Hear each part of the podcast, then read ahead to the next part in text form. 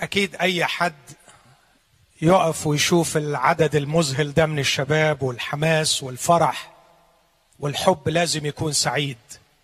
وأنا أعتبر نفسي محظوظ إنه أكون في هذا الجيل اللي ربنا بيديله فرصة إنه يجتمع في مثل هذا المكان مع مثل هذا العدد ومع كل هذا الحماس. أنا بعتبر إن ده شيء أنا محظوظ إني عشت وشفت الأيام دي وبشكر ربنا وبرجو إن ربنا يدينا أكتر وأكتر.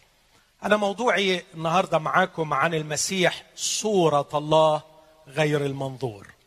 بس قبل ما أتكلم عن المسيح كصورة الله على قلبي حاجتين عايز أشارك بيهم بسرعة شديدة علشان ما أخدش من وقت الموضوع بتاعي.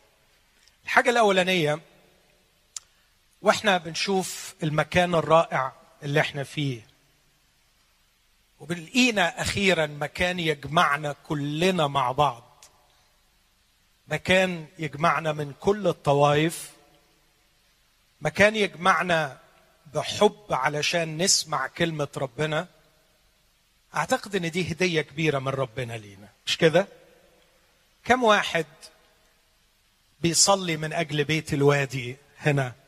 ويشكر ربنا معايا لأجل بيت الوادي. المكان اللي أخيرا بيلمنا وبيجمعنا.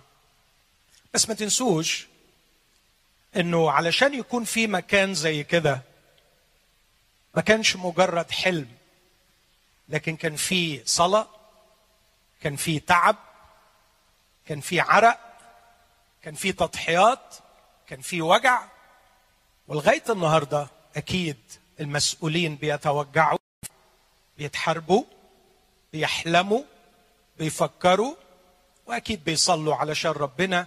يديم هذا المكان مفتوح لكي ما تذاع منه كلمة الله. أمين؟ أنا هطلب منكم نقف مع بعض ونصلي من أجل الرجل اللي ربنا استخدمه لكي ما يكون لنا هذا المكان. أنتوا عارفين مين الراجل ده؟ أرجو من الأسيس الحبيب سامح إنه يتفضل هنا علشان كل الناس دي تصلي من أجله علشان نقول لربنا إحنا متشكرين يا رب إنك اديتنا حد يحلم ومش بس يحلم لكن كمان يجاهد ويكافح. زي ما قال المسيح المبدأ ده هيفضل دايما. آخرون تعبوا. تنسوش الآية دي. آخرون تعبوا. وأنتم دخلتم على تعبهم. إحنا في كل مرة بنتمتع بشيء لازم نفتكر إن في ناس تعبت. أسيس سامح أنا بالنيابة عن كل المؤمنين اللي بيحبوا ربنا. اللي بيحبوا ربنا بإخلاص اللي بيحبوا ربنا بس علشان هو ربنا. أنا بالنيابة عنهم وعن مؤمنين كتير بقول لك متشكرين. واعلم يقينا تعبك في الرب ليس باطلا. أنا متأكد من مشاعركم لكن أنا شوية يعني أهم عندي من المشاعر الصلاة. فأنا نفسي نرفع إيدينا كلنا على هذا الرجل. ونطلب من الرب حماية حكمة بركة تأييد ستر ستر. يا رب إحنا بنصدق كل كلمة في كتابك. ومصدقين المكتوب الساكن في ستر العلي في ظل القدير يبيت. ومصدقين أن هذا الرجل من زمان قال أقول للرب أنت ملجئي إلهي فأتكل عليك. ومكتوب يا رب يتكل عليك العارفون اسمك لأنك لم تترك طالبيك يا رب. رب الحبيب يسوع أقترب إليك كواحد من تلاميذك الذين يحبونك مع كل إخوتي المخلصين. رافعين هذا الرجل بين يديك. ولنا يا رب رجاء أن تكون الأيام القادمة أفضل من كل ما مضى. كما وعدت قديما تكون آخرتك أفضل من أولاك. وأن يكون عملك واستخدامك وحمايتك وملء روحك بالحب بالغفران بالحكمة بالقوة أكثر من كل السنين الماضية. ربنا يسوع نحن نؤمن بما قاله عبدك الله لم يعطنا روح الفشل بل روح القوة والمحبة والنصح. أبانا في اسم المسيح نستودع أخانا بين يديك. لرؤى جديدة أحلام جديدة قيادة جديدة وبركة جديدة في الأيام القادمة. نسأل ونثق أنك استجبت لأننا نسأل في اسم يسوع. آمين. آمين. لكن طبعا وأنا هوعظ عن يسوع وأشعر بأنه يعني تروح فين وتيجي منين وتعمل إيه وانت عايز تتكلم عن يسوع. فعلا أشعر بالخوف وبالرعدة وبالخشية إني إني أبوظ الصورة الجميلة اللي الكتاب المقدس رسمها.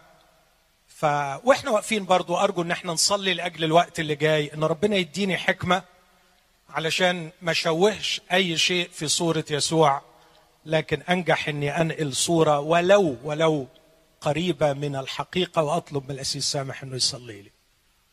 مدوا ايديكم عليه هو المرة دي ف أشكرك عشان ابنك يا رب وإنائك المختار اللي أنت اخترته وبوقت في فمه ليعلم شعبك طرقك ويتكلم بكلام الحق وينير الأذهان والعقول والقلوب.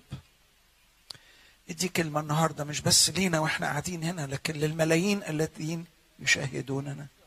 كلمة الحياة. استنارة لعيون أذهاننا يا رب.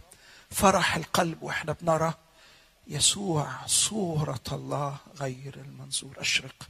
أشرق على أذهاننا أشرق على قلوبنا. أشرق علينا بهذا الجمال والجلال. يا سيدنا الرب فنحبك ونتعلق بيك. ونجري خلفك كل الأيام بفخر بمهابة بخشوع وتواضع. امسح عبدك يا رب امسح عبدك بالروح القدس هو اناء أمامك مفتوح يفغر فاه فاملأه املأه كلمات من قبلك في اسم المسيح آمين آمين أنتوا بتقعدوا بسرعة ليه؟ أنتوا تعبانين من الوقفة؟ طيب. آخر حاجة أوقفكم فيها وبعدين هتقعدوا براحتكم آه ما أقدرش أقرأ الكتاب المقدس وإحنا قاعدين. علشان كده أرجو إن إحنا نسمع بكل حب واحترام لكلمة الله وهقرأ من ثلاث أماكن في الكتاب المقدس. المكان الأول من رسالة كورنثوس الثانية أصحاح أربعة. ثلاث مرات أنا اخترت الثلاثة دول بس من أماكن كثيره بيذكر فيها صراحة أن يسوع هو صورة الله. كورنثوس الثانية أصحاح أربعة بيقول في عدد ثلاثة ولكن إن كان إنجيلنا مكتوما فإنما هو مكتوم في الهالكين.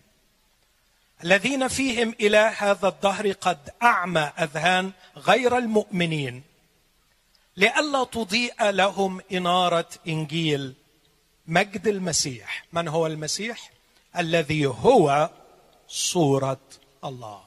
هذا نص هذه آية عندنا. من هو المسيح؟ الذي هو صورة الله. مكان الثاني من رسالة فيليبي أصحاح اثنين اللي أعتقد إن نادر أرى منه امبارح.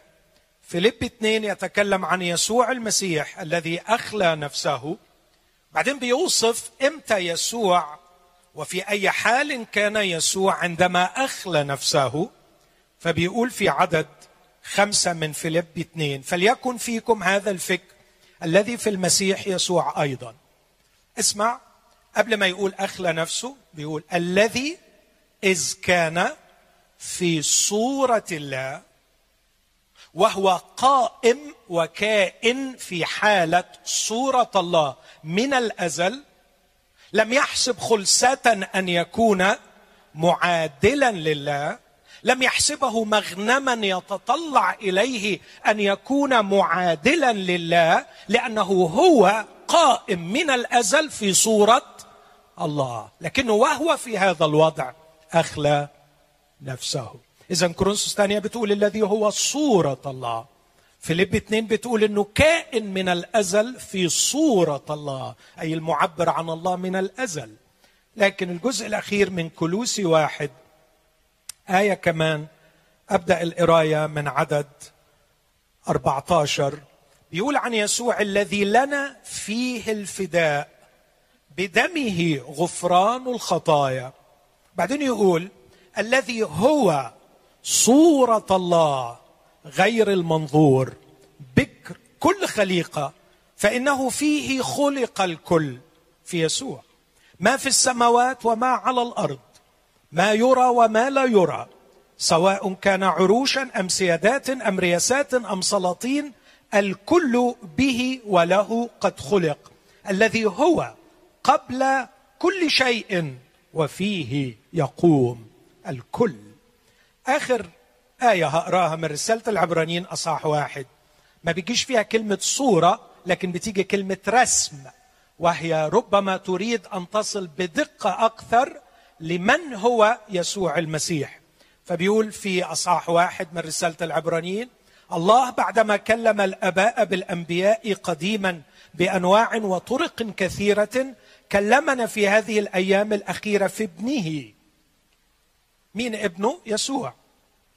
الذي جعله وارثا لكل شيء الذي به أيضا عمل العالمين الذي وهو بهاء مجده ورسم جوهره يسوع رسم الجوهر الإلهي.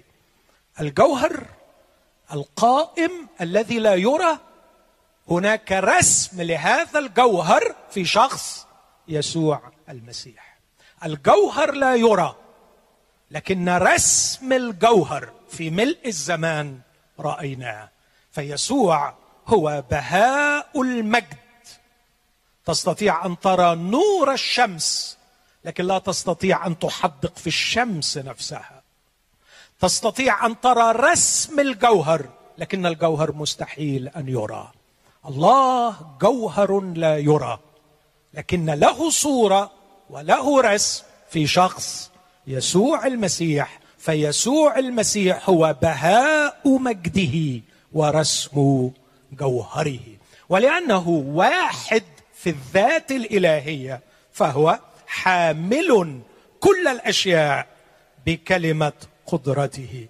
الشيء العجيب أنه بعدما صنع بنفسه الأشياء العظيمة يصنعها الله بنفسه فالخلق يصنعه الله والفداء أيضا يصنعه الله. صنع بنفسه تطهيرا لخطايانا. جلس في يمين العظمة في الأعالي. هذه هي كلمة الرب. فدعونا نشكر الرب ونثق أنه يفتح قلوبنا ويعطينا فهما. أبانا مع إخوتي أنتظر إعلانك عن يسوع لي ولهم. ولكل احبائي المشاهدين في اسم المسيح. آمين. تفضلوا. أنا عايز أبدأ بفكرة عن أثر يسوع المسيح في التاريخ. وبعدين أحاول أشرح لماذا هذا الأثر.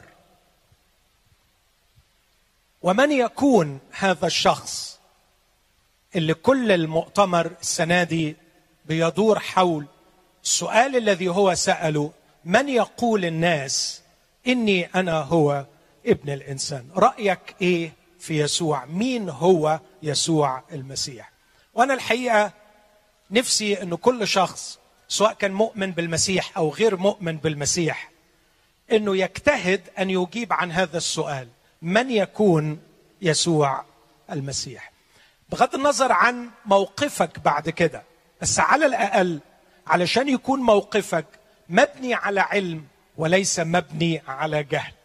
فإذا آمنت به تكون مآمن به بناء على علم يقيني بمن تؤمن مين هو الشخص اللي أنت آمنت به. أنا أعتقد إن ما حدش منكم ابدا يقبل على نفسه إنه يكون مآمن بشخص هو مش عارف مين هو وإيه طبيعته. ولا أعتقد إن يسوع يفرح إذا كنا نآمن به وإحنا مش فاهمين مين هو يسوع.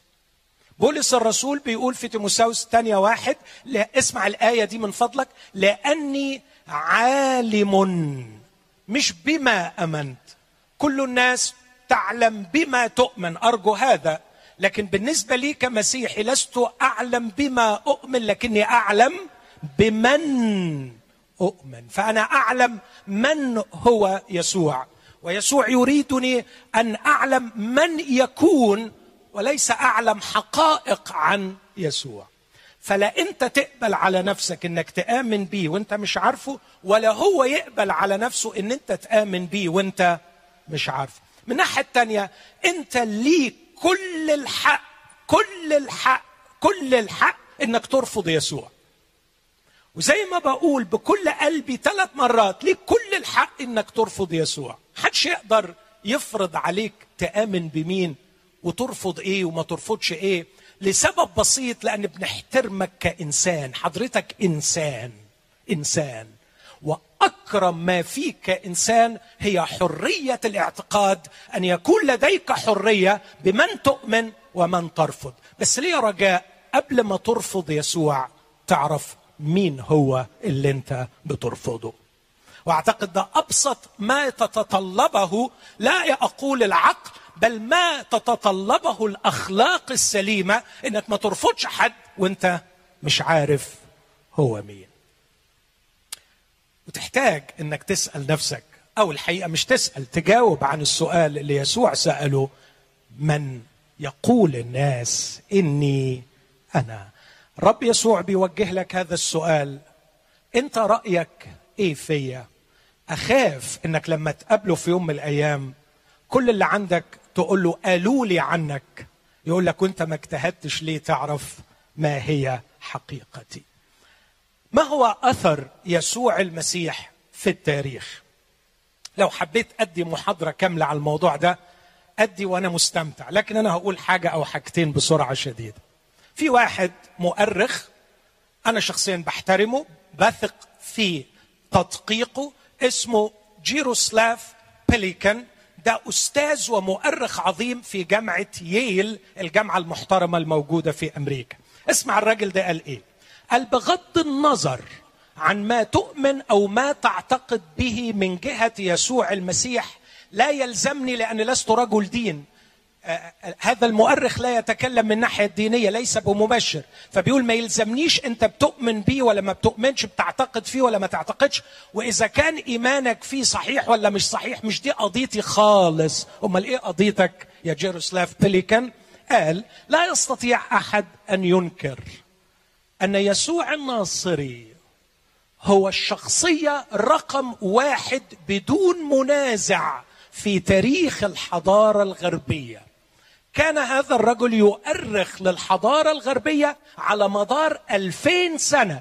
فبيقول في كل تاريخ الحضارة الغربية لمدة ألفين سنة تبرز شخصية يسوع على القمة بدون منازع أو منافس. وبعدين قال كلمة غريبة. قال لو تخيلنا سوبر مغناطيس عنده القدرة أن يلتقط كل صفحة من صفحات التاريخ كل قصاصة من قصاصات التاريخ كتب عليها اسم يسوع. يقول لا أعتقد أنه سيتبقى شيء. إذا تخيلت مغناطيس يلتقط كل قصاصة من التاريخ ألفين سنة في الحضارة الغربية كل قصاصة كتب عليها اسم يسوع هذا المؤرخ الذي لا يتكلم من منظور مسيحي يقول لن يبقى من التاريخ شيء. سؤال هذا الأثر العظيم ممكن واحد يقول طب ما هتلر ساب في الدنيا أثر صح؟ هتلر وصدام حسين ساب أثر ولا ما سابش؟ أنا لسه جاي من العراق قريب الحقيقة شفت بعناية في أثر.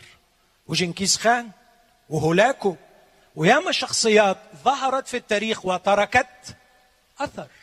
فالفكرة مش إنك بس تترك أثر لكن السؤال ما هو نوع الأثر الذي تركه يسوع المسيح في التاريخ؟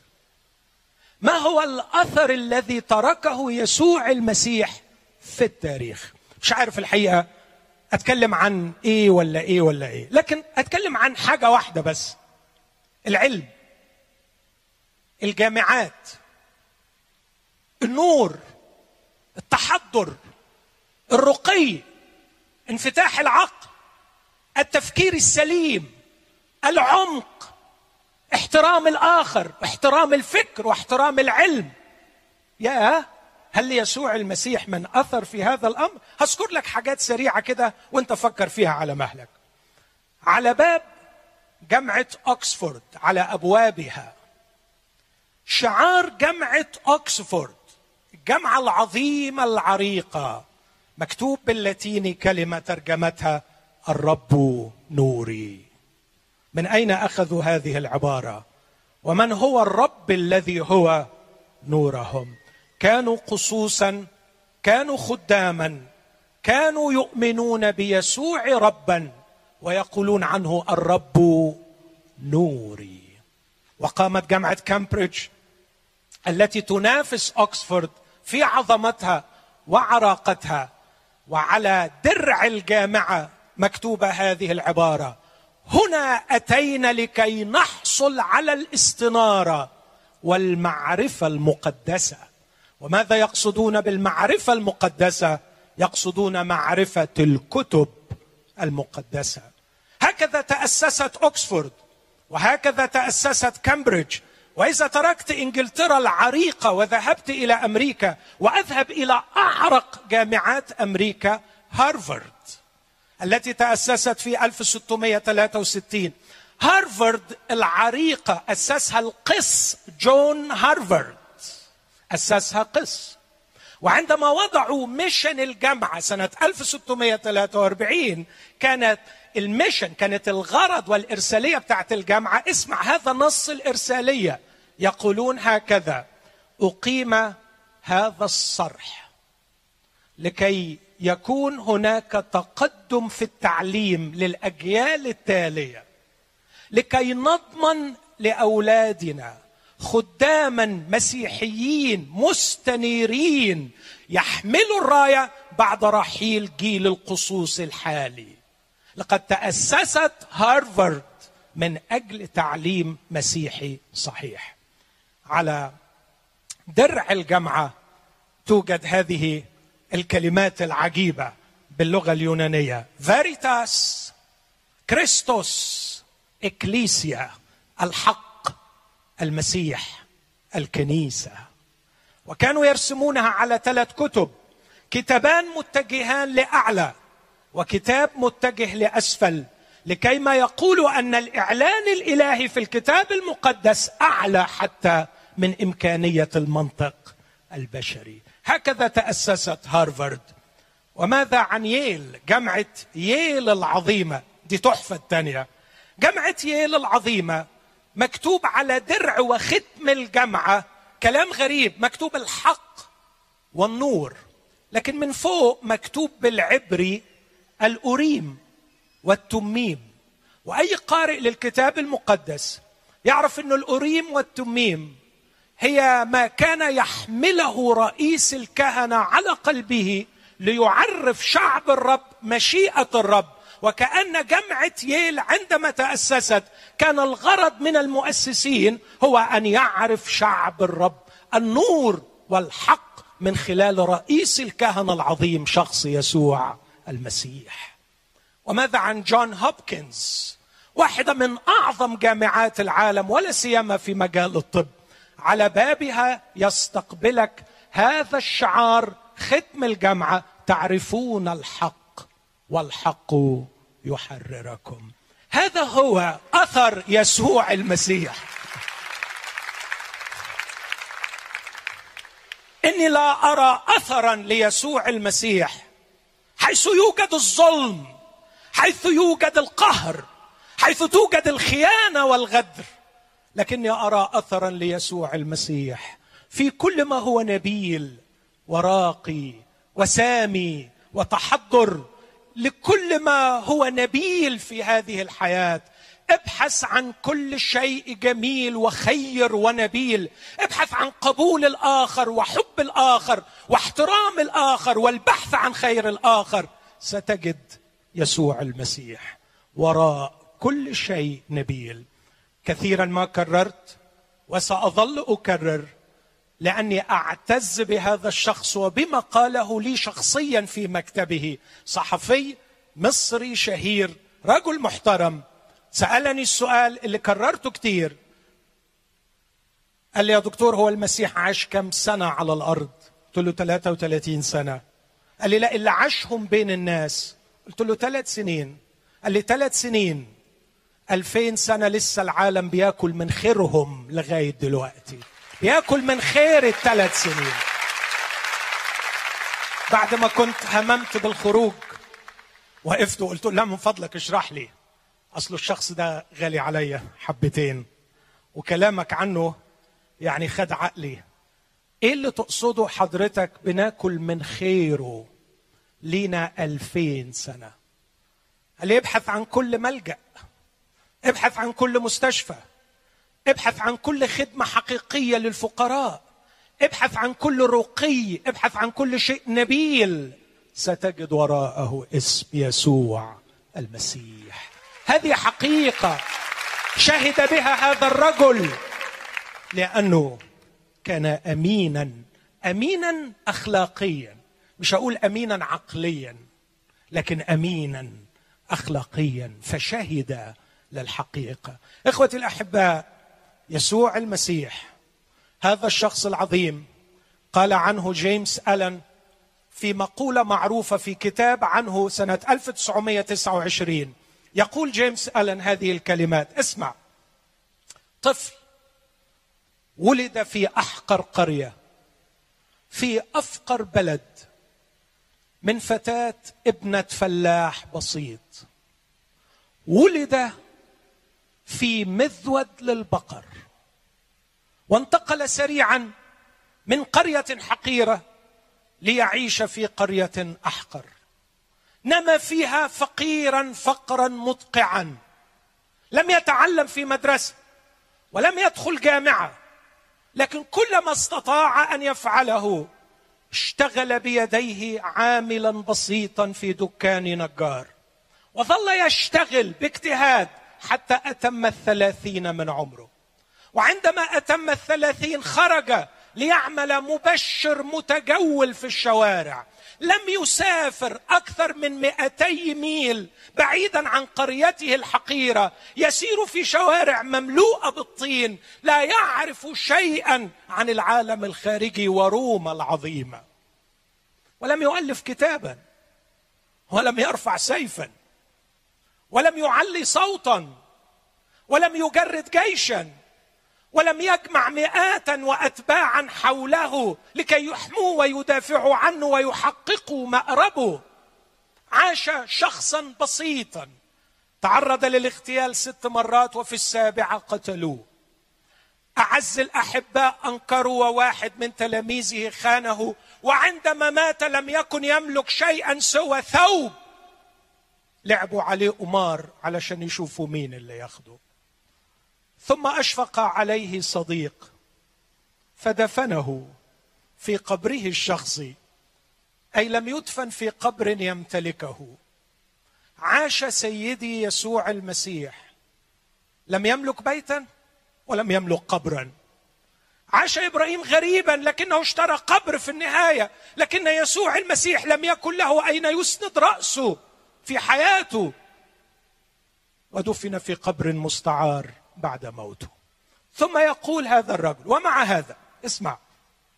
فكل الجيوش التي غزت وكل الأساطيل التي أبحرت وكل البرلمانات التي عقدت وكل الجامعات التي بنيت لم تترك اثرا في الإنسان كما ترك يسوع المسيح. هذا الفقير هذا الفقير هذا الشخص الذي لم يرفع سيفا ولا رفع صوتا.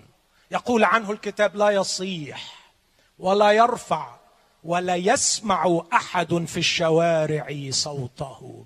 اذا كان يغزو القلوب بالنبل بالحب بالعطاء بالغفران بقبول الرجل والمرأة بقبول السامري واليهودي بقبول المرأة الفينيقية بدخول بيوت الخطاة والعشارين لم يكن يسوع المسيح متحيزا أو يحيز جنس عن جنس أو يفضل إنسان عن إنسان.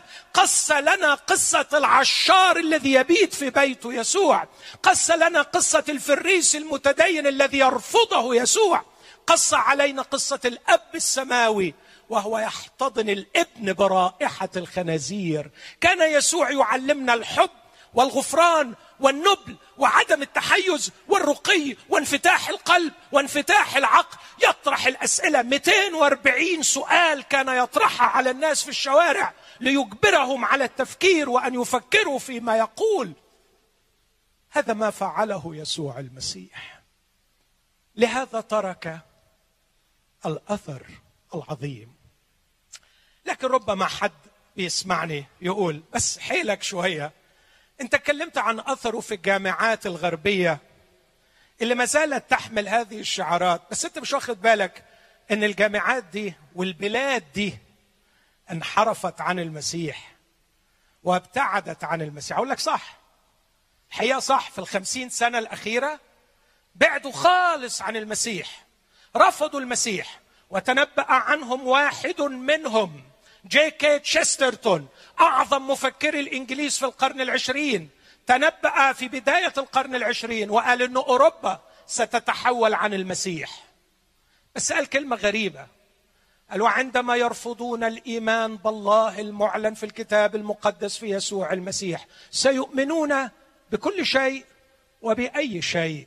ويا حزني عليك يا أوروبا من ليل بهيم ينتظرك ومن ظلام ثقيل سيحل عليك ومن دمار سيأتيك لأنك رفضتي شخص يسوع المسيح. لكن من جانب ثاني عايز أقول إنه هذا يحسب للمسيح لأنه لما أوروبا قبلته دخل ولما أوروبا رفضته لم يجرد جيشا أو لم يجد من يرفع عنه سيف. اللي عايز يامن يامن واللي عايز يسيب يسيب أوروبا ترحب به يدخل يدخل. وجون ويسلي يكرس في شوارعها وألمانيا تطلع لنا رجال عظماء يذهبون للعالم يحزمون أمتعتهم في نعوش. تخيلوا؟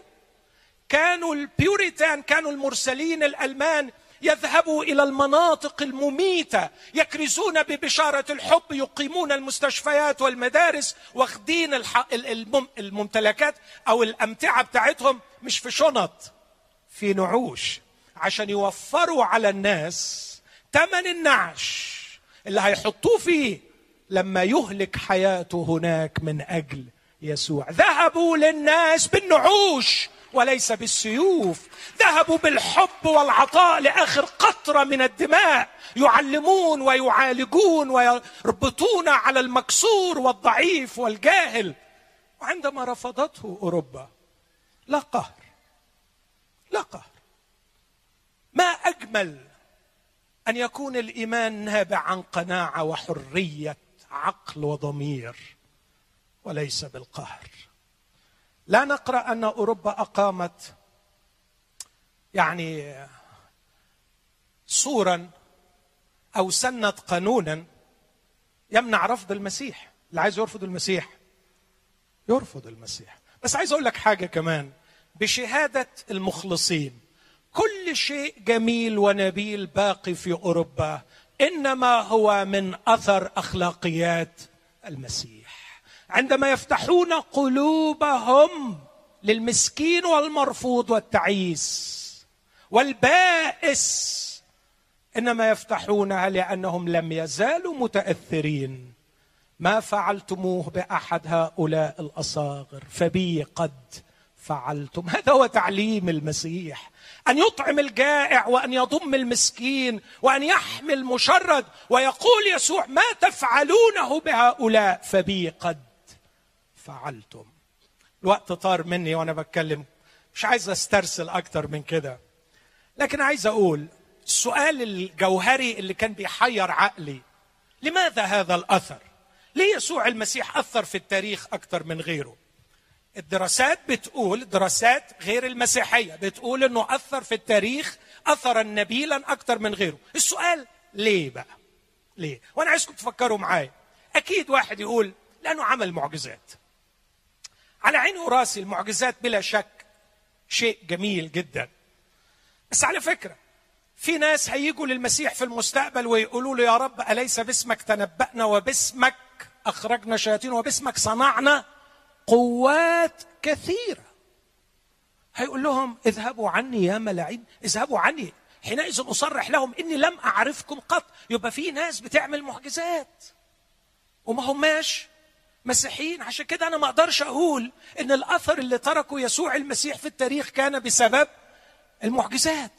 واحد يقول آه فكرة برضو جيدة. يمكن بسبب مع إنه مع ملاحظة ما حدش عمل معجزات زي اللي عملها يسوع المسيح. سيدي مش عارف أقول إيه ولا إيه لو حبيت أحكي عن معجزاته مش مش عايز أدخل في السكة دي علشان الوقت لكن بلاش المعجزات. طب تعاليمه تعاليمه تعاليمه سامية جدا. بس الحقيقة لما بدرس التاريخ بلاقي إن في فلاسفة ومفكرين علموا تعاليم أخلاقية نبيلة جدا وسامية جدا بس لم يتركوا هذا الأثر في نفوس الناس وفي تاريخ البشر. تعليم رقي عن الحب أكيد في ناس تكلمت كتير عن الحب. تعليم عن قبول الآخر أكيد في ناس تكلمت عن قبول الآخر.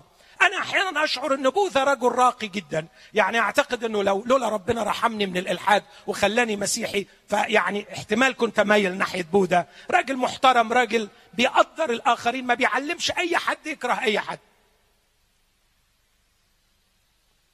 ليس من أجل تعاليمه ترك الأثر في التاريخ. اذا آه واحد يقول بسبب قيامته من الأموات. يسوع المسيح قام من الأموات. أكيد القيامة من الأموات شيء رهيب ولها أدلة كثيرة جدا.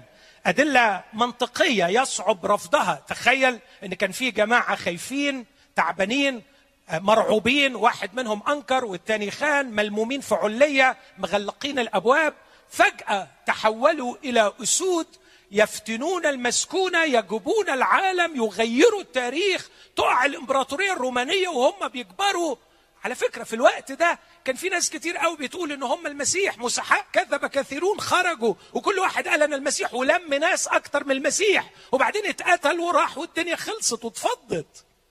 اشمعنى حكاية المسيح دي ما اتفضتش؟ قيامة؟ أكيد القيامة شيء عظيم. بس صدقني النهارده أنا عايز أقول لك وأقول لكل واحد بيسمعني يسوع المسيح أثر هكذا في التاريخ البشري.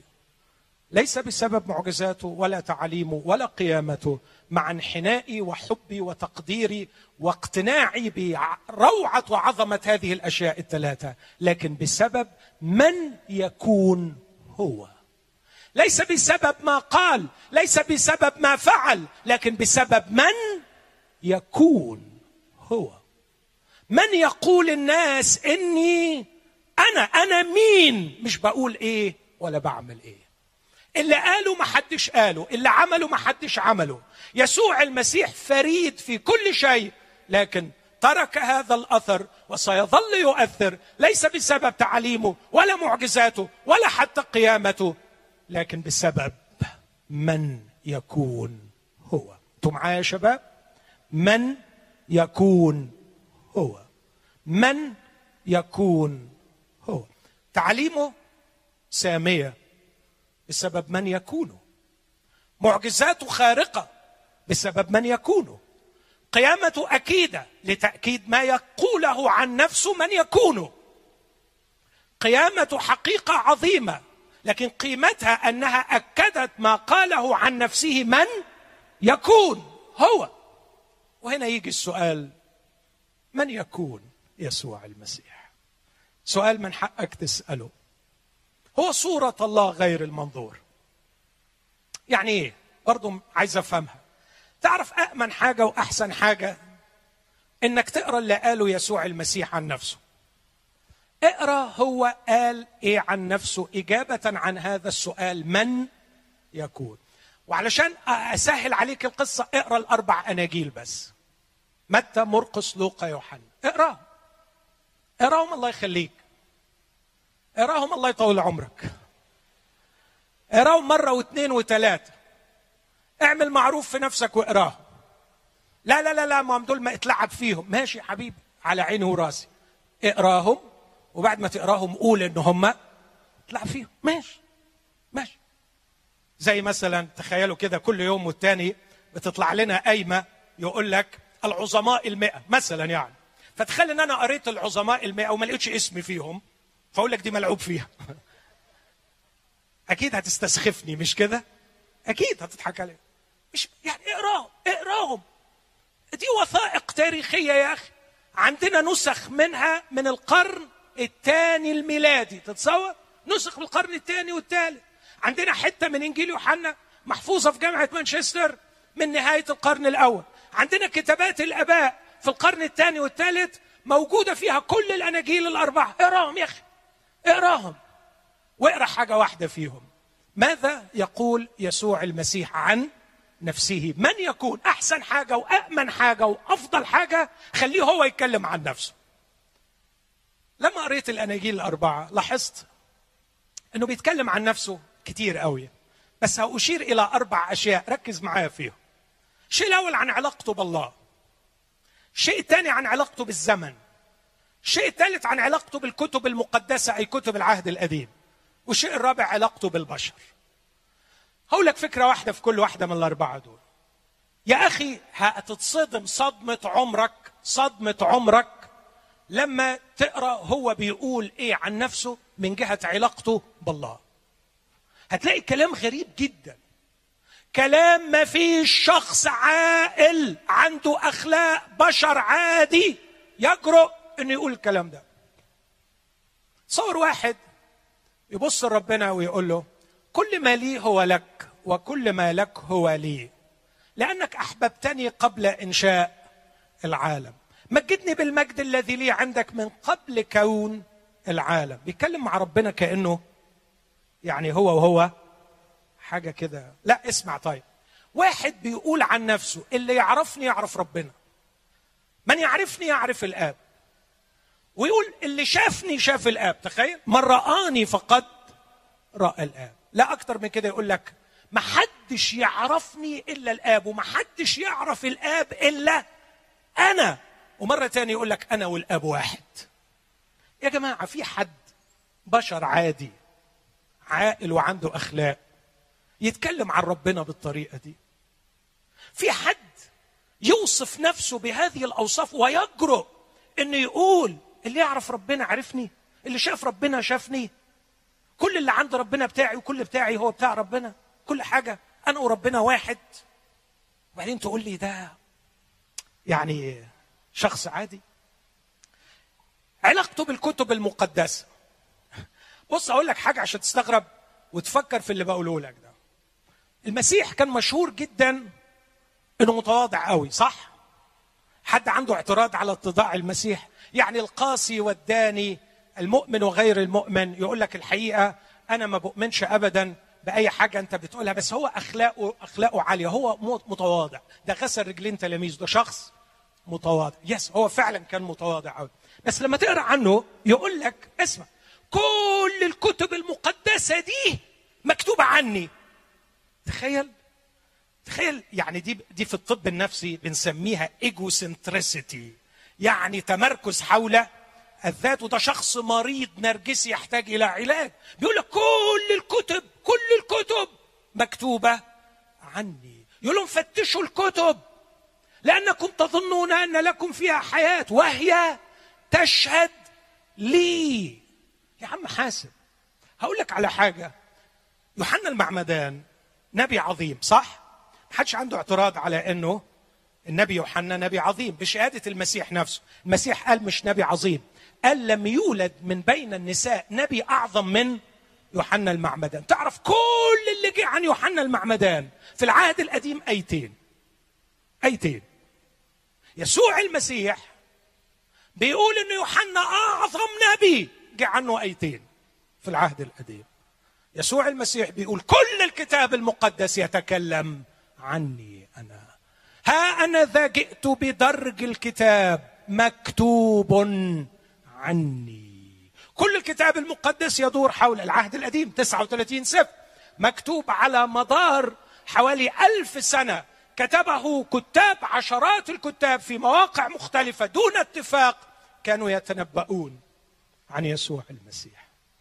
قالوا هيتولد إزاي؟ قالوا هيتولد فين؟ قالوا هيتولد إمتى؟ قالوا إيه البلد اللي هيتولد فيها؟ نوعها إيه؟ اللي هيتربى فيها. قالوا لما هيغير سكنه هيحصل إيه؟ يا سلام. آه لما جه كفر نحوم يقول علشان يتم المكتوب الشعب الجالس في الظلمة أبصر نورا عظيم. اتقال عنه إنه هيهرب لمصر وإنه هيجي من مصر. لكن تعال بقى وفكر في أخلاقه اللي تنبأ عنها. لا يصيح لا يرفع لا يسمع أحد في الشوارع صوت. قصبة مردودة لا يقصف فتيلة مدخنة لا يطفئ. يشفي منكسر القلوب. وصفوا الخدمة والأخلاق. لكن تعال عند صليبه واتفرج على اللي اتقال. كتبت الكتب عن صليب يسوع المسيح. كيف سيموت؟ متى سيموت؟ ماذا سيقول وهو معلق على الصليب؟ تتصور إن الكلمات اللي كان بينطق بها على الصليب مكتوبة؟ إلهي إلهي لماذا تركتني مكتوبة قال أنا عطشان لكي يتم الكتاب اللي بيقول في عطش يسقونني خلا. كلام اللي قاله في الآخر يا أبتا في يديك أستودع روحي مكتوبة. الكلام اللي قاله على الصليب.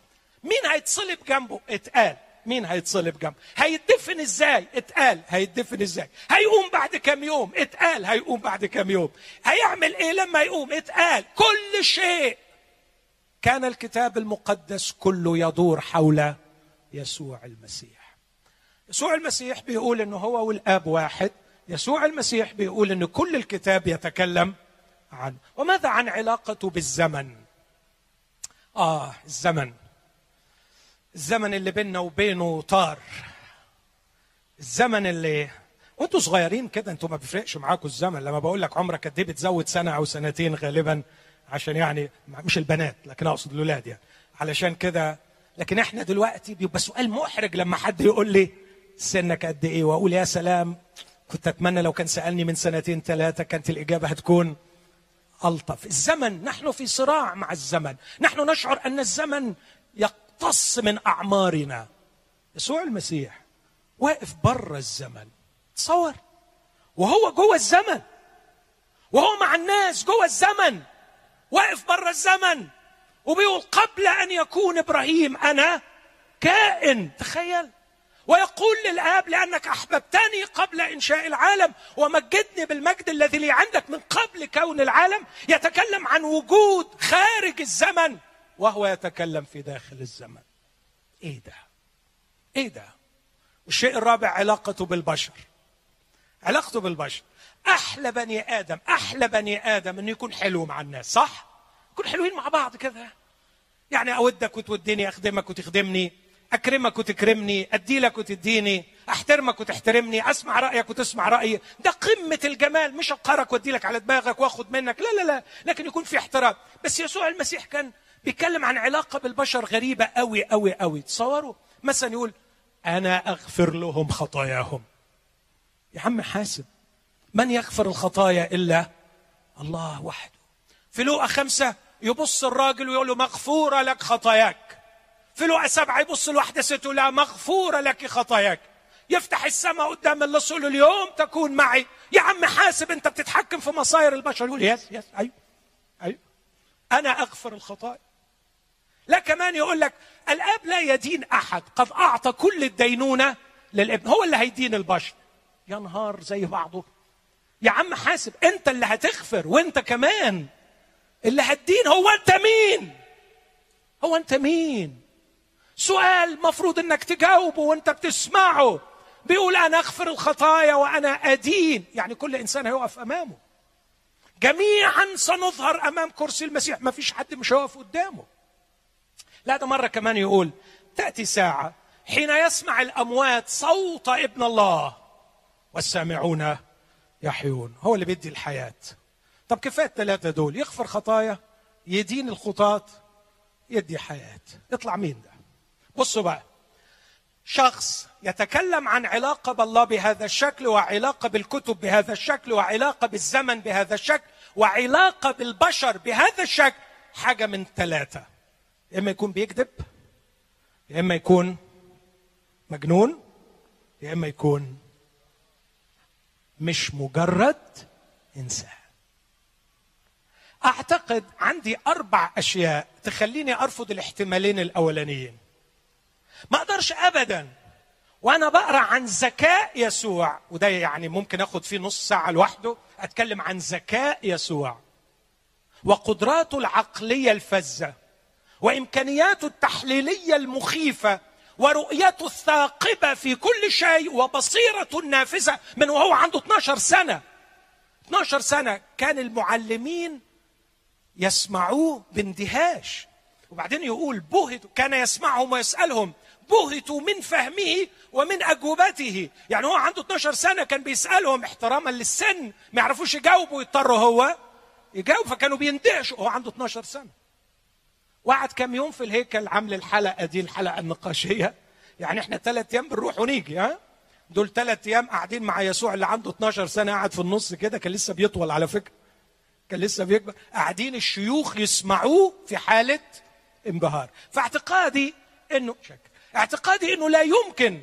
من دراستي لعقله لا يمكن أن يكون خارج العقل. وماذا عن أخلاقه؟ هل الذي أحب وغفر وضحى وانحنى؟ هذا الذي لم يشتهي امرأة ولا ثوبا ولا بيتا. هذا الذي شفى الجميع بدون مقابل وأطعم الجياع وأنفق نفسه من أجل الآخرين. وفي النهاية أطاع حتى الموت موت الصليب.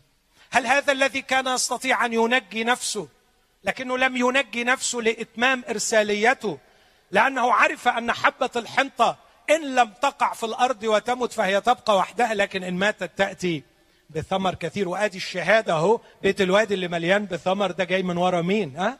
جاي من ورا يسوع الذي أحب ووقع في الأرض ومات.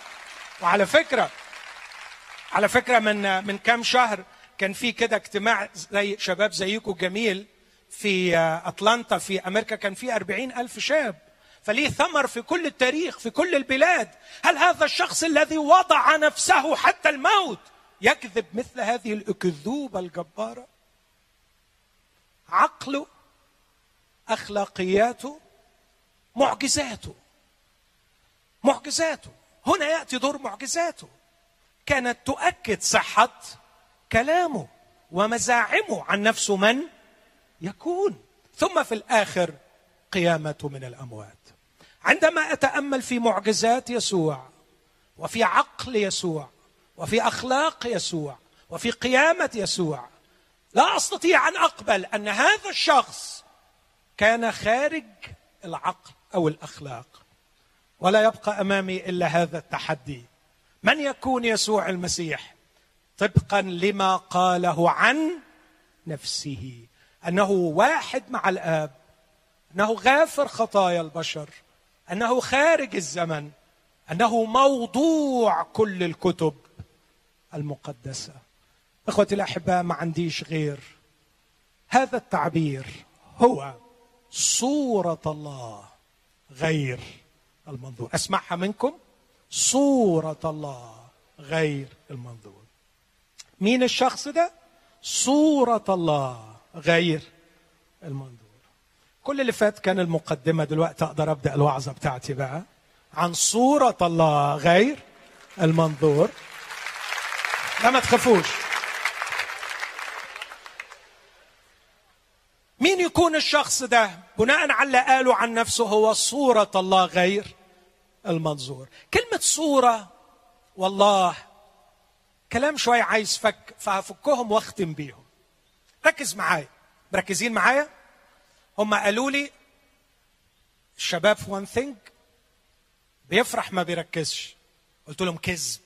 شباب One Thing أجدع شباب وهيركزوا وهم مركزين زي الفل معايا. فأنا متأكد أنا متأكد إنكم مركزين معايا مية مية صح؟ عظيم. بص كده لما بنقول مين الله ركز معايا الحتة دي مهمة قوي انت عمال تقول الله الله الله الله. مين الله؟ مين الله؟ عايزين تعريف. في ناس فكرت وحطت تعريف من ثلاث كلمات بالإنجليزية هترجمه لك وفعلا تعريف ده يملى الدماغ قالوا كده the greatest conceivable being أعظم كائن يمكن تصوره. سهلة؟ مين هو الله؟ أعظم كائن ممكن تصوره. صح. ما حدش يختلف على التعريف ده. من هو الله؟ أعظم كائن ممكن تصوره. آه بس هنا عندي مشكلة كبيرة قوي ركز معايا في اللي هقوله ده. أهم كلمة. إن مفهومي عن العظمة هيأثر على مفهومي عن الله. صح؟ لا ما جبتوهاش دي. برافو عليكم. حلوة الصراحة. هقولها تاني. بس هي مهمة قوي وسهلة ولو فكرت فيها هتجيبها وتفرح قلب. الله يفرح قلبك. يعني خليك معايا كده علشان ما تروحنيش مكسور الخاطر وحاسس إن أنا ما وصلتش اللي أنا عايز أقول. مين ربنا أعظم كائن يمكن تصوره؟ أعظم أعظم أعظم أعظم. هنا باجي عند نقطة خطيرة وبقول مفهومك عن العظمة هيأثر على مفهومك عن ربنا صح؟ أوضح شوية مين هو العظيم؟ إيه هي العظمة؟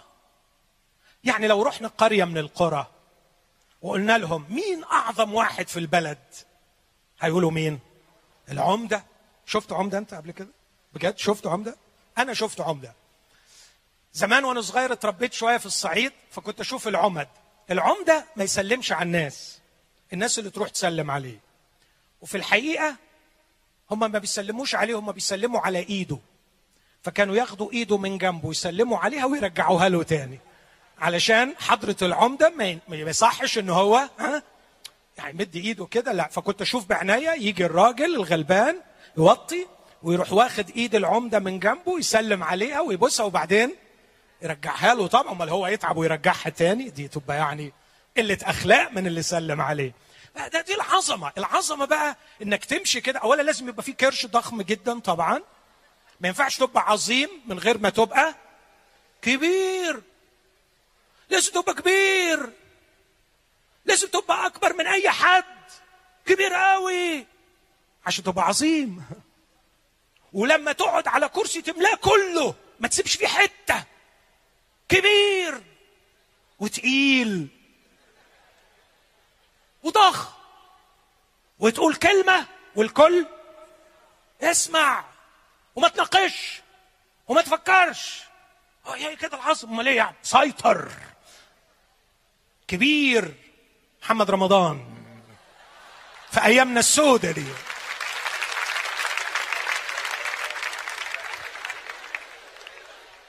آه. تصورنا عن العظمة. اسمعني طب في اللي هقوله لك ده علشان الوقت. جاتني شابة مسيحية مؤمنة جميلة قالت لي آه بص عشان أكون أمينة معاك أنا لما بقرأ كتاب مقدس وبقرأ عن حياة يسوع بشك إنه هو الله. قلت لها الحقيقة أنا كمان زمان جات لي شكوك كتير إنه هو الله بس قولي لي ليه بتشك فيه إنه هو الله؟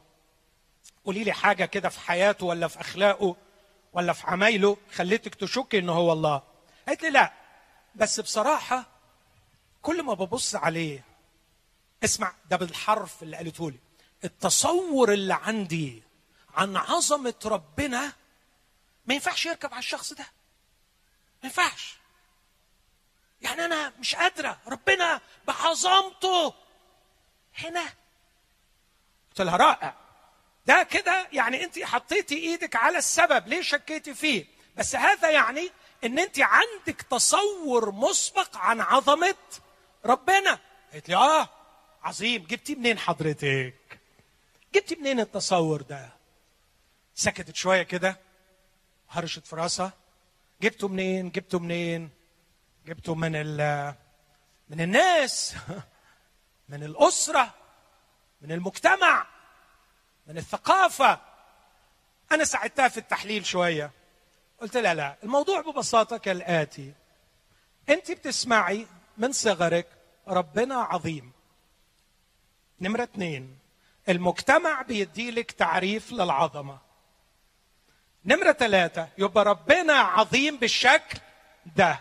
نمرة أربعة. أقرأ عن يسوع. ما لقوهوش عنده العظمة اللي اداها المجتمع لكلمة عظيم. يبقى ما ينفعش يكون ربنا. إيه رأيكم في الكلام ده؟ كلام فارغ. كلام فارغ. لأنه كل ثقافة كل عصر كل قرية كل بلد كل قطر بيدي مفهوم للعظمة زي ما هو عايز. يعني العظمة في مطعم شيك في فرنسا غير العظمة في غرزة في قرية. صح؟ هنا العظمة حاجة هنا حاجة تانية. تخيل لو أنت قاعد في الصحراء من ألف سنة تتخيل مين أعظم حد مين أكبر حد مين أفخم حد مين أجمد حد؟ أكيد هيبقى عندك تصور معين. وبعدين تحط معاها ربنا عظيم يبقى ربنا بهذا الشكل. كارثة كبيرة كارثة مصيبة سودة مصيبة سودة. إخوتي الأحباء جاء يسوع المسيح لكي يعطينا تصور عن الله.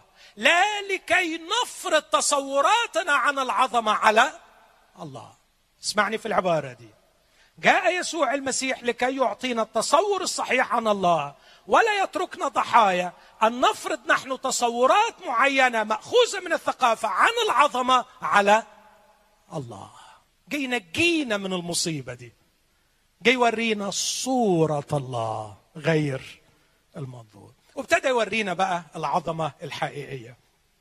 خلوني أحكي لكم حكاية أخيرة وأختم بيها.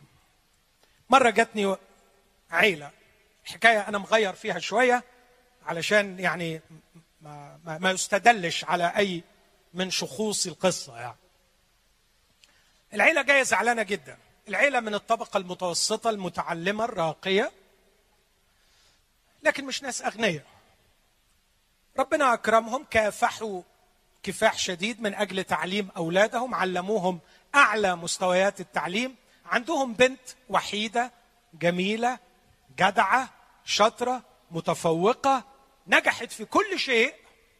ومن أكثر الحاجات اللي تلفت النظر فيها كانت تحب العمل الإنساني والعمل التطوعي وتروح في مناطق الكوارث وتسافر لأفريقيا حيث يوجد فعلا عمل حقيقي لمساعدة المساكين كانت البنت بتروح. أصبحت مشهورة ومعروفة. وفجأة دق باب الحظ أبواب البيت. وجي راجل شاب وسيم مفتول العضلات من أغنى عيلة في البلد. لو اللي أخطر من كده يعمل في أعلى جهة سيادية. ترعبتوا؟ تخافوش. تقدم. والأسرة طبعا شعرت إنه ياه أخيرا هنناسب هنناسب البلد. أخيرا هنبقى يعني ياه ربنا هيعوض تعبنا خير صبرنا ونلنا. يعني تعبنا في تعليم ولادنا لكن أهو ربنا بيعوضنا بس إن شاء الله البنت كده تحط عقلها في راسها وتمشي الجوازة علشان يعني الدنيا تبدأ كده تضحك لينا. وفعلا البنت اتخطبت بس بعد ثلاث شهور اتفكت. ولما اتفكت هنا لجأوا للطبيب. البنت دي اتجنت إزاي؟ ده راجل عظيم. فبسألها انت وجهة نظرك؟ قالت لي الحقيقة أنا ما بلومهمش ابدا ابدا. وبجد هم صعبانين عليا. وأنا مقدرة مقدرة الموقف السخيف اللي أنا حطاهم فيه. مقدرة إن أنا فعلا حطاهم في موقف زي الزفت. طب يا بنتي أمال إيه المشكلة؟ قالت لي ببساطة تصورهم عن العظمة غير تصوري أنا عن العظمة. أثارت فيا حب الفلسفة قلت لها أنت بتتفلسفي. اشرحي لي بقى الله يطول عمرك. إيه مفهومهم للعظمة وإيه مفهومك أنت للعظمة. قالت لي أربع حاجات ركز فيهم. الحاجة الأولانية قالت لي أنا أرى أن الثراء هو ثراء الشخصية وليس ثراء الجيوب. أنا شفت قصور معاه ما شفتهاش في عمري. شفت سيارات شفت يخوت شفت أشياء لا تخطر على البال. بس الشخصية فقيرة. الشخصيه مسطحة.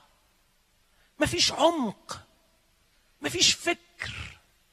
كنت بحفر ما بلاقيش حاجة كده تبهرني. الشخصية فقيرة. والجيوب مليانة.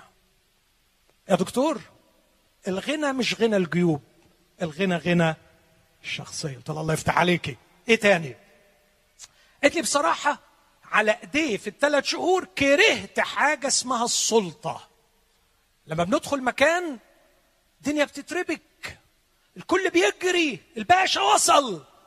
لازم كلنا ننفذ. لازم كله. لي كنت بقارنه بشباب العائلات المحترمة اللي كانوا بيروحوا معايا للمكان المنكوب. كنت بشوفهم في الطين والتراب. بيطعموا وبيداووا. بيبنوا وبيريحوا. كنت بقول هي دي العظمة الحقيقية. العظمة مش إن لما تدخل مطعم يجري وراك عشرة. العظمة مش إن كل الناس تعظم لك وتقول لك كلام تحب تسمعه. العظمة شفتها في الشباب ده اللي بيخلع المناظر وبيحط روحه في الطين من أجل الغلابة. كلام يعجب صح ولا مش صح يا بنات؟ سيبكم الشباب دلوقتي ركزوا معايا أنتوا. الكلام ده إيه رأيكم فيه؟ أوعى تكون واحدة فيكم مهبوشة في دماغها وتفهم العظمة زي العيلة دي.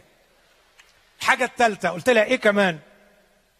قالت الحاجة الثالثه أمه مريضة بالكبد.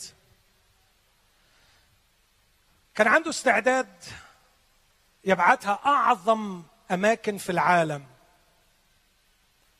ويأجر أشهر دكاترة يسافروا معاها. first class بس عمره ما سهر ليلة معاها. كنت أحب أشوفه واقف جنبيها. بس هو الحقيقة كان بيحب يرتاح. ما بيقدرش على التعب. قالت لكن كانت المصيبة الكبرى. عندما أكد العلم إنه لن تعيش إلا إذا أعطاها ابنها جزء من كبده. وهنا رفض رفضا باتا. وماتت الأم. فأين العظمة؟ أين العظمة؟ قلت لها آه يبقى معنى كلامك إن مفهومك عن العظمة يتلخص في أربع أشياء. الشيء الأول ثراء الشخصية. الشيء الثاني خدمة المتعبين.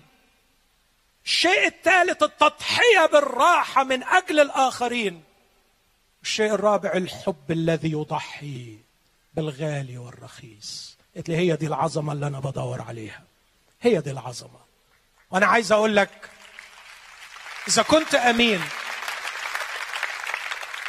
إذا كنت أمين إذا كنت أمين في مناجاتك لله العظيم إذا كنت أمين في رغبتك أن تعبد الله العظيم عليك أن تسأل نفسك ما هي عظمة الله؟ هل هي عظمة الله كما صورتها هذه الأسرة؟ أم كما صورتها هذه الفتاة؟ أرى في عينيك بريقا يقول أنك متعاطف مع تعريف الفتاة. ده لأنك عندك شيء من الأخلاق والرقي. اقرأ حياة يسوع المسيح. ودور على الأربع أشياء دول. دور على الكاركتر. دور على الشخصية. امبارح كنت بتغدى مع مراتي وعيالي وده ما بيحصلش كتير للأسف. ف وإحنا قاعدين قلت لهم بكرة عليا وعظة عن شخصية يسوع. فعايز أسألكم كل واحد يجاوب إيه أكتر حاجة بتشدك في شخصية يسوع؟ أول واحدة اتكلمت مراتي. قالت لي كان رهيب في تحننه طبعا عشان هي ماما. كان رهيب في تحننه وتفاعله مع كل إنسان. مع الصغير ومع الكبير. مع الأطفال يحضنهم. مع العواجيز يمسك بإيديهم. مع الأبرص اللي ما حدش لمسه. يقرب ويلمسه. رهيب. اتشتم في مرة بين الناس قالوا له أنت سامري وبك شيطان. قال لهم أنا ليس بي شيطان. بس ما رضيش يقول أنا لست سامرين عشان ما يجرحش شعور حد من السامرين لو كان حد واقف. كان رائعا في تعاطفه. كان بديعا في تحننه. سبع مرات يتقال عنه تحنن يسوع. تحنن يسوع. تحنن يسوع. ابني الكبير يوسف قال صراحة كان بيعجبني في حاجة غريبة. قلت له قول. قال لي كان دايما مسيطر رهيب في القوة بس في نفس الوقت كان بيشتغل طبقا لخطة الله ومشيئة الله بشكل رهيب. وقال عندي حلم كنت أتمنى أشوف الصبح لما يصحى يستلم الخطة من ربنا إزاي. ويقول له هنعمل إيه النهارده؟ منتهى القوة والاستقلالية ومنتهى الخضوع والطاعة لأبيه. مفيش تمرد ومفيش تبعية وخنوع. بصراحة حاجة تملى الدماغ صح؟ الصغير فكر وقال لي الحب. هذا الشخص بيبهرني بالحب. الحب؟ قلت له إيه إيه هو الحب؟ ودخلنا في نقاش طويل. في النهاية قال لي الحب سر. الحب لا يشرح. الحب لا يمكن أن يفهم. ويسوع جسد الحب الذي لا يشرح. عندما ترى يسوع متحركا أنت ترى الحب متحركا. وهذا عادي لأن الله محبة. فعندما أرى يسوع يتحرك أرى لغز الألغاز يتحرك كيف أن هذا الشخص كان يتكلم ويفعل ويعمل ويقول ويشفي؟ سر! بس لو عايز تعرف ليه المسيح لغز؟ لأن الحب لغز. ولأن الله لغز. ولأن الله محبة. قالوا لي وأنت إيه رأيك؟ قلت لهم حاجات كتيرة بتبهرني فيه لكن بيبهرني إنك يا أخي ما تعرفش تتوقعه ابدا. ما هوش محفوظ ونمطي. ما تقدرش تعرف هيعمل إيه إزاي. جميل وهادي وبديع ودماغ ورائع وكل حاجة حلوة فيه. بس ما تقدرش أدي لك مثل. قوم ثلاثة ميتين. في الميتة الأولى دخل يغيظ الناس. دخل يغيظهم كده. ده من أولها كده. فدخل يوم عاملين هيصه وجنا... الناس بتعيط في جنازة وبنت عندها 12 سنة. فيقول لهم لماذا تبكون ولماذا تضجون؟ إنها ليست ميتة إنها نائمة. صراحة حاجة تغيظ يعني. أنا ما أعرفش ليه هو قصد يغيظهم. بس أعتقد يعني أعتقد إنه بصراحة كان حاسس إن الجنازة دي منظر. أصل الراجل ده رئيس المجمع. قوم الواد بس خد الواد بإيده. ودي أحلى حاجة في القصة. خد الواد بإيده وراح سلمه لمين؟ لأمه. جميل. قول جميل. جميل جميل. قول. جميل جميل جميل يسوع. جميل يسوع. الموقف الثالث بقى. لا غاظ الناس ولا تحنن؟ لا. ذهب بقلب كثير. ذهب حبيبي يسوع ليشترك مع أحبائه في ألمهم ودخل عندهم. مرثا تقول له لو كنت ها هنا لم يمت أخي. حاول يعزيها ويشجعها مرسى مش جايبة يا حرام مش قادرة. يا مرسى أنا هو هو واحدة من كلامه ده أنا ما كنتش عايز أقولها يعني بس. أنا هو القيامة والحياة. من آمن بي ولو مات فسيحيا. وكل من كان حيا وآمن بي فلن يرى الموت إلى الأبد. إيه ده؟ في إنسان يقول الكلام ده؟ في نبي يقول الكلام ده؟ في حد يجرؤ ينطق بالكلام ده؟ إيه ده؟ إيه ده؟ آه بس لو هو بقين كلام نقول كلام. لكن حضرتك بعد كده قوم الراجل اللي ليه أربع أيام منتن ومعفن في القبر. قومه قومه ما بيقولش كلام. فلما بيقول أنا هو القيامة والحياة تقول لي لا ما هم ألفوا هو ده كلام حد يعرف يألفه يا عم هو إحنا عارفين نفهمه. ده إحنا بعد ألفين سنة مش عارفين نفهمه هنألفه. أنا هو القيامة والحياة. من آمن بي ولو مات فسيحيا. وكل من كان حيا وآمن بي فلن يرى الموت. حالك مين من البشر؟ يألف كلام زي كده. ولا ولا حد فينا قادر يفهم أبعاد الكلام ده. هو حد فينا عارف يفهم يوحنا 17 لغاية النهاردة؟ عشان تقول لي ألفوه. وعلى فكرة اللي كاتب يوحنا 17 ده واحد صياد يعني واحد صدقني ما عارفين نفهمه. بس كده كلم أناس الله القديسون مسوقين من الروح القدس. لكن النقطة الأخيرة قال لهم أين وضعتموه؟ قرب الكلمة اليوناني اللي ترجمت الطرب جأر غاضبا. طبعا أنتم مش عارفين يعني إيه جأر. يجأر غاضبا يعني بانفعال شديد وغضب. كان يعلن كراهيته للموت ويعلن أنه داخل على نزال شديد مع ملك الأهوال. سيدخل إلى أبشع معركة سيدخل في معركة مع الموت. وكان عليه أن يقدم برهان في هذه الحادثة أنه هو البطل المنتصر الذي سيقهر الموت ليس في موقعة بيت عنيا لكن في موقعة اخطر في الجلجسه كان عتيد أن يبيد بالموت ذاك الذي له سلطان الموت. قد دخل إلى الجلجسة لكي يقهر ملك الأهوال. ومن هو ملك الأهوال؟ هو الموت. فجأر غاضبا وأعلن استعداده للتحدي فقال أين وضعتموه؟ فذهبوا به إلى القبر. قال لهم ارفعوا الحجر عشان تشموا عشان تعرفوا إيه اللي حصل. رفعوا الحجر وقال يسوع لعازر. هلم خارجا فخرج الميت. وقال واحد لولا أنه قال لعازر لكان كل الأموات قد خرجوا.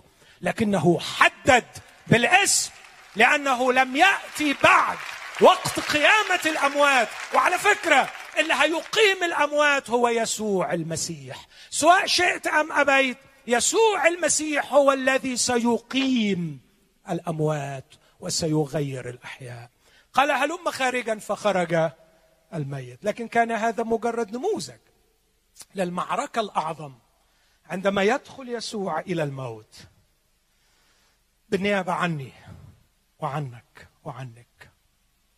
أحبائي صراع القادة ورجال الدين والذين أسسوا الديانات هو الصراع مع الموت. وجميعهم قهرهم الموت. وبعضهم كان اداه في يد الموت. جاء يسوع لكي يقهر الموت. جاء يسوع لكي يعطي الحياة. يسوع المسيح جه ياخد موتي يشرب موتي ياكل موتي ويديني حياته هقول تاني صراع القادة مع الموت. إما قاهرهم الموت أو كانوا أداة في يد الموت لإماتة الآخرين. جاء يسوع يقول أتيت يوحنا عشر عشره لتكون لهم حياة ويكون لهم أفضل. جه يسوع يحارب المعركة اللي أنا ما أقدرش عليها. قد أستطيع أن أحارب الجهل. قد أستطيع أن أحارب المرض. قد أستطيع أن أحارب الظلم. لكني لا أستطيع أن أحارب الموت. الموت يقول عنه بولس آخر عدو يبطل هو الموت. لكن اسمع ماذا يقول عن يسوع المسيح في تيموساوس الثانية واحد. الذي أبطل الموت وأنار الحياة والخلود بواسطة الإنجيل. بتخاف من الموت؟ مقتنع أن الموت عدو؟ موت بشع. أنا بكره الموت من كل قلبي. بس ما بخافش منه لأن يسوع غلبه. وعن قريب جدا سنهتف جميعا. نحن وإخوتنا الذين سبقونا. أين شوكتك يا موت؟ أين غلبتك يا هاوية؟ يسوع بيحارب لك عدوك. عدوك مش الإدمان. عدوك مش الزنا عدوك مش المواقع الإباحية عدوك مش العادات الردية عدوك الكبير هو الموت اللي بيجري في روحك. روحك ميتة روحك مغمورة في الموت. أنت محتاج حد يغلب موتك ياخذ عنك موتك ويدي لك حياة. هكذا يقول بولس في غلطية 22 مع المسيح صلبت فأحيا لا أنا. بل المسيح يحيا فيا. حد مشتاق حد نفسه في غلبة الموت النصرة على الموت وامتلاك الحياة يسوع بيننا الآن. صورة الله غير المنظور. قوموا بينا نقف قدامه. قوموا بينا نفتخر بيه. قوموا بينا نفرح بيه. قوموا بينا نسبح له. قوموا بينا كمان نطلب غلبته ونصرته. اللي لسه مش عارف من يكون يسوع. يحاول يعرفه. فكر في اللي أنا قلته. ما هو تصورك عن العظمة؟ ما هي عظمة الله في نظرك؟ اقرأ ما قاله يسوع المسيح عن نفسه. فكر علشان تجاوب إجابة صحيحة. من يقول الناس إني أنا ابن الإنسان؟ مين هو يسوع؟ غمض عينك معايا. وانتظر إعلان من الروح القدس الآن. يعلن لك من هو يسوع. الكلام اللي أنا قلته كلام. كنت بصلي قبل الاجتماع وبقول له يا رب أخرة اللي هقوله كلام لكن أنت ما فيش كلام يوصفك. أنا نفسي الروح القدس يرسمك يرسمك قدام العيون. غمض عينك وخلي الروح القدس يرسم لك يسوع. اطلب الطلبة دي. غمضي عينك غمض عينك علشان روحك تخترق العالم الروحي. واعطي لروح الله فرصة. تريفيل أن يكشف أن يكشف أن يكشف. زمان ربعه العدوية قالت له كشفك للحجب حتى أراك. نفسي يتكشف الحجاب عشان أعرف أشوفك. قولي له يا رب ارفع الحجاب عن عيني وعن قلبي علشان أعرف أشوفك. قول له يا رب شيل البرقع اللي على عيني وعلى قلبي اللي مخليني مش قادر أشوف مين هو يسوع المسيح. روح الله هنا لكي يعلن. قال يسوع يأخذ مما لي ويخبركم. يخبركم يعني يشرح. أنا ما أعرفش أشرح يسوع. روح الله يشرح يسوع. اسمه روح المسيح. اطلب الطلبة دي. ما تطلعش النهارده وتروح من الوادي اللي انت واخد اعلان جديد عن يسوع المسيح. مين هو يسوع المسيح؟ خدني قدام عرشك وريني جمالك وريني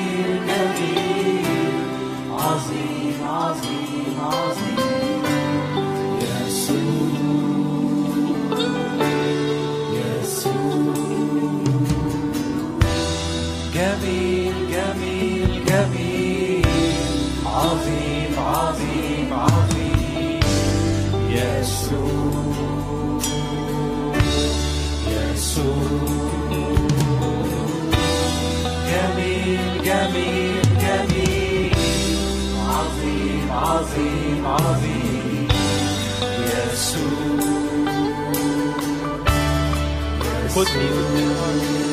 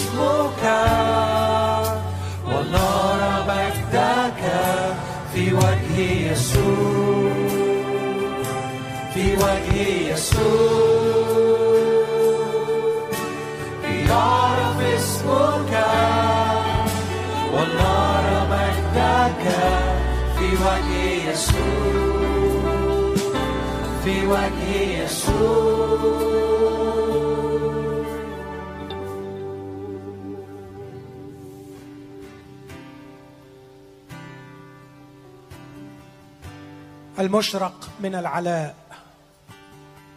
افتقدنا بأحشاء الرحمة. من هو قبل الزمن وخارج التاريخ؟ دخل التاريخ. من ليس له علاقة باللحم والدم؟ صار جسدا وحل بيننا. من يملأ السماوات والأرض بمجده؟ ولد ولد في مذود وعاش بين الفقراء لكي يغنينا بفقره. الله الله الذي هو محبه برهن طبيعة الحب ليس بشعر أرسله لنا. ولا بقصيده كتبها على السحب نقرأها في كل صباح. لكن الله بين محبته لنا. إذ ونحن بعد خطاة مات المسيح من أجلنا. أحبني. قول معايا أحبني. أحبني ومات عن ذنبي. أحبني ليغفر خطيتي. أحبني ليخرجني من موتي. ويعطيني الحياة. يسوع. يسوع ابن الله. صورة الله غير المنظور. بهاء المجد ورسم الجوهر. الكلمة الأزلي. المعبر عن الآب من الأزل وإلى الأبد. الكائن في الحضن. خرج. من عند الله خرج. وإلى العالم أتى. لكي يعرفنا أن الله محبة. ليعرفنا أن الله محبة. ليس بشفاء المرضى وإشباع الجياع. لكن بأنه وضع نفسه من أجلنا. لو كان الله لو كان الله لا يحب الظالمين والمعتدين والأشرار والاثمه والفجار والخطاة ما كان لي أمل.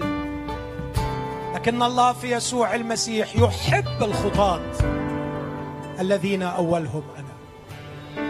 وحبه لي يعطيني الحياة.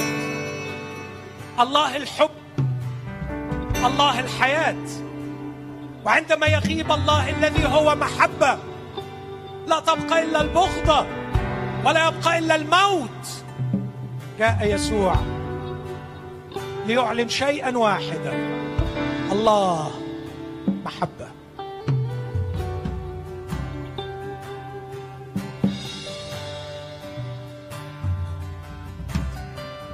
أحبك.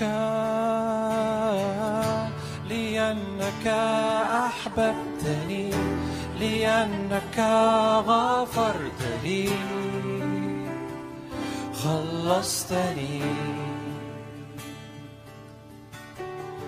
عني ذبحت. عاري حملت على الصليب. يا يسوع حبك عجيب حبك عجيب أحبك لأنك أحببتني لأنك غفرت لي خلصتني. عني ذبحت عاري حملت على الصليب. يا يسوع حبك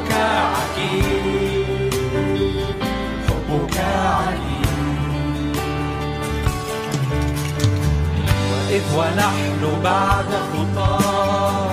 مات المسيح من أجلنا؟ مات المسيح مات وقام من أجلنا؟ وإذ ونحن بعد خطاه. مات المسيح من أجلنا؟ مات المسيح مات وقام من أجلنا؟ أحبك أحبك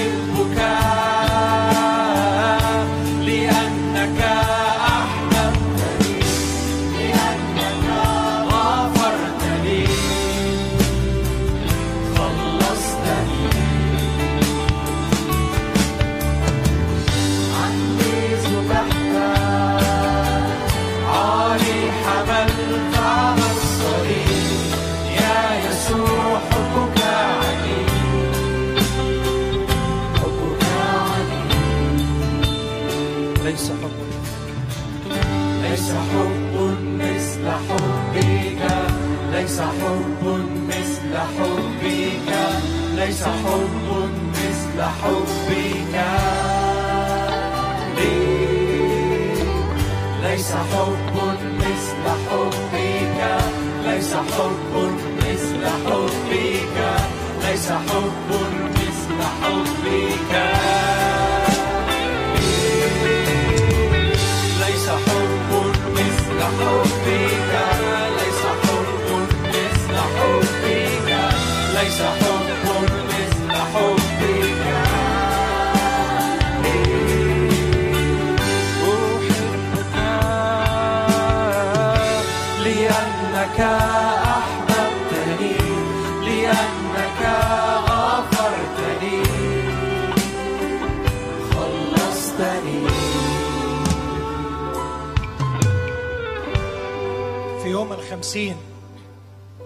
كان في آلاف واقفة أعتقد أنهم مش أقل من اللي واقفين قدامي.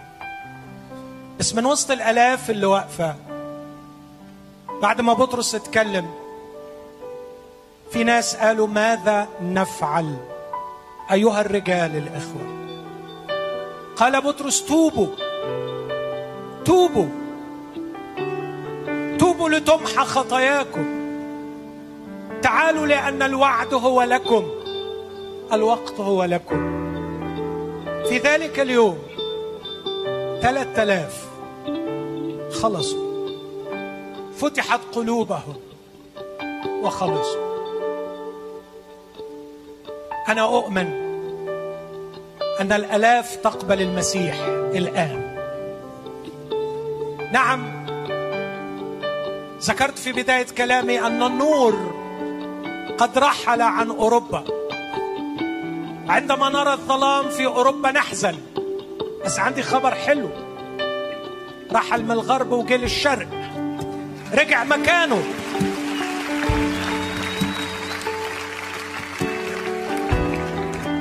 رجع لمكانه. لقد ذهب إلى أوروبا من الشرق. وهو الآن يرجع. ملايين تعرف الرب في الصين. وهنا في الشرق الأوسط هناك آلاف تقبل المسيح مخلصا.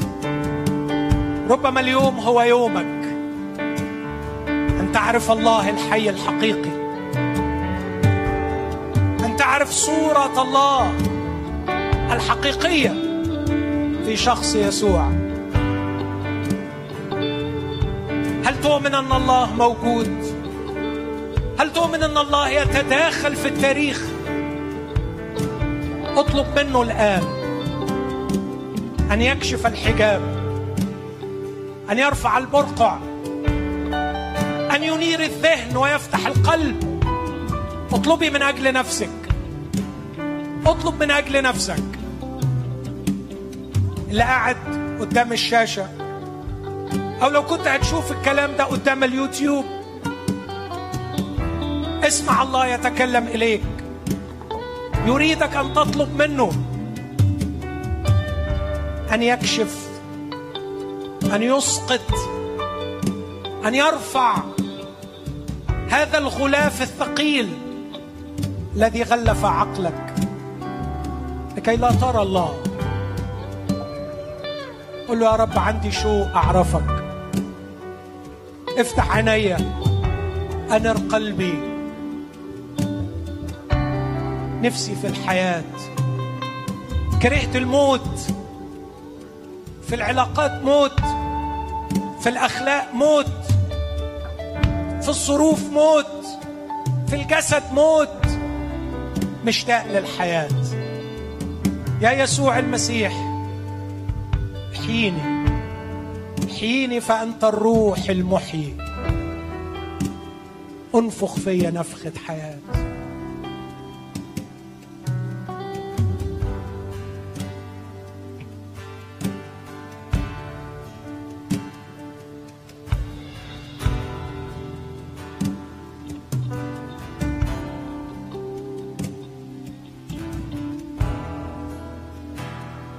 أريد أن أعرف ما في قلبك. أريد أن أشابه صورة ابنك. أريد أن أكون قرب قلبك. أن أنظر من قريب وأعاين وجهك. أن أعرف ما في قلبك. أريد أن أشابه صورة ابنك أريد أن أكون قرب قلبك.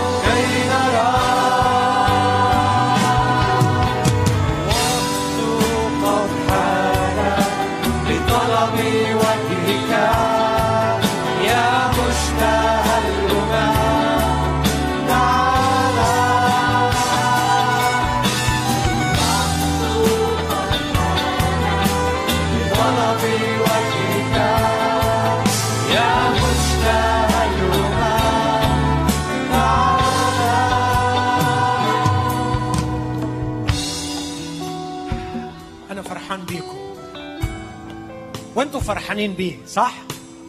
وهنفرح بيه. بس على قلبي أقول لكم هو عنده طلب منكم. تحبوا تسمعوه؟ يسوع عنده طلب منكم خصوصا من الشباب.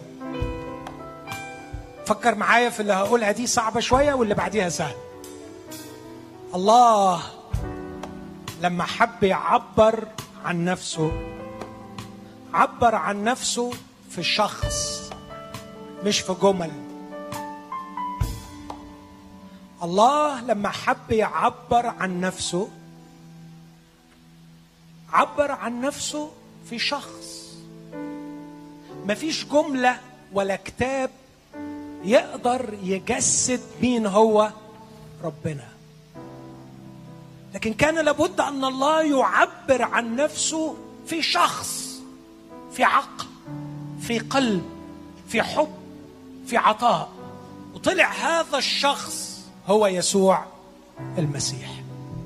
يسوع المسيح النهارده عايز يعبر عن نفسه في مصر.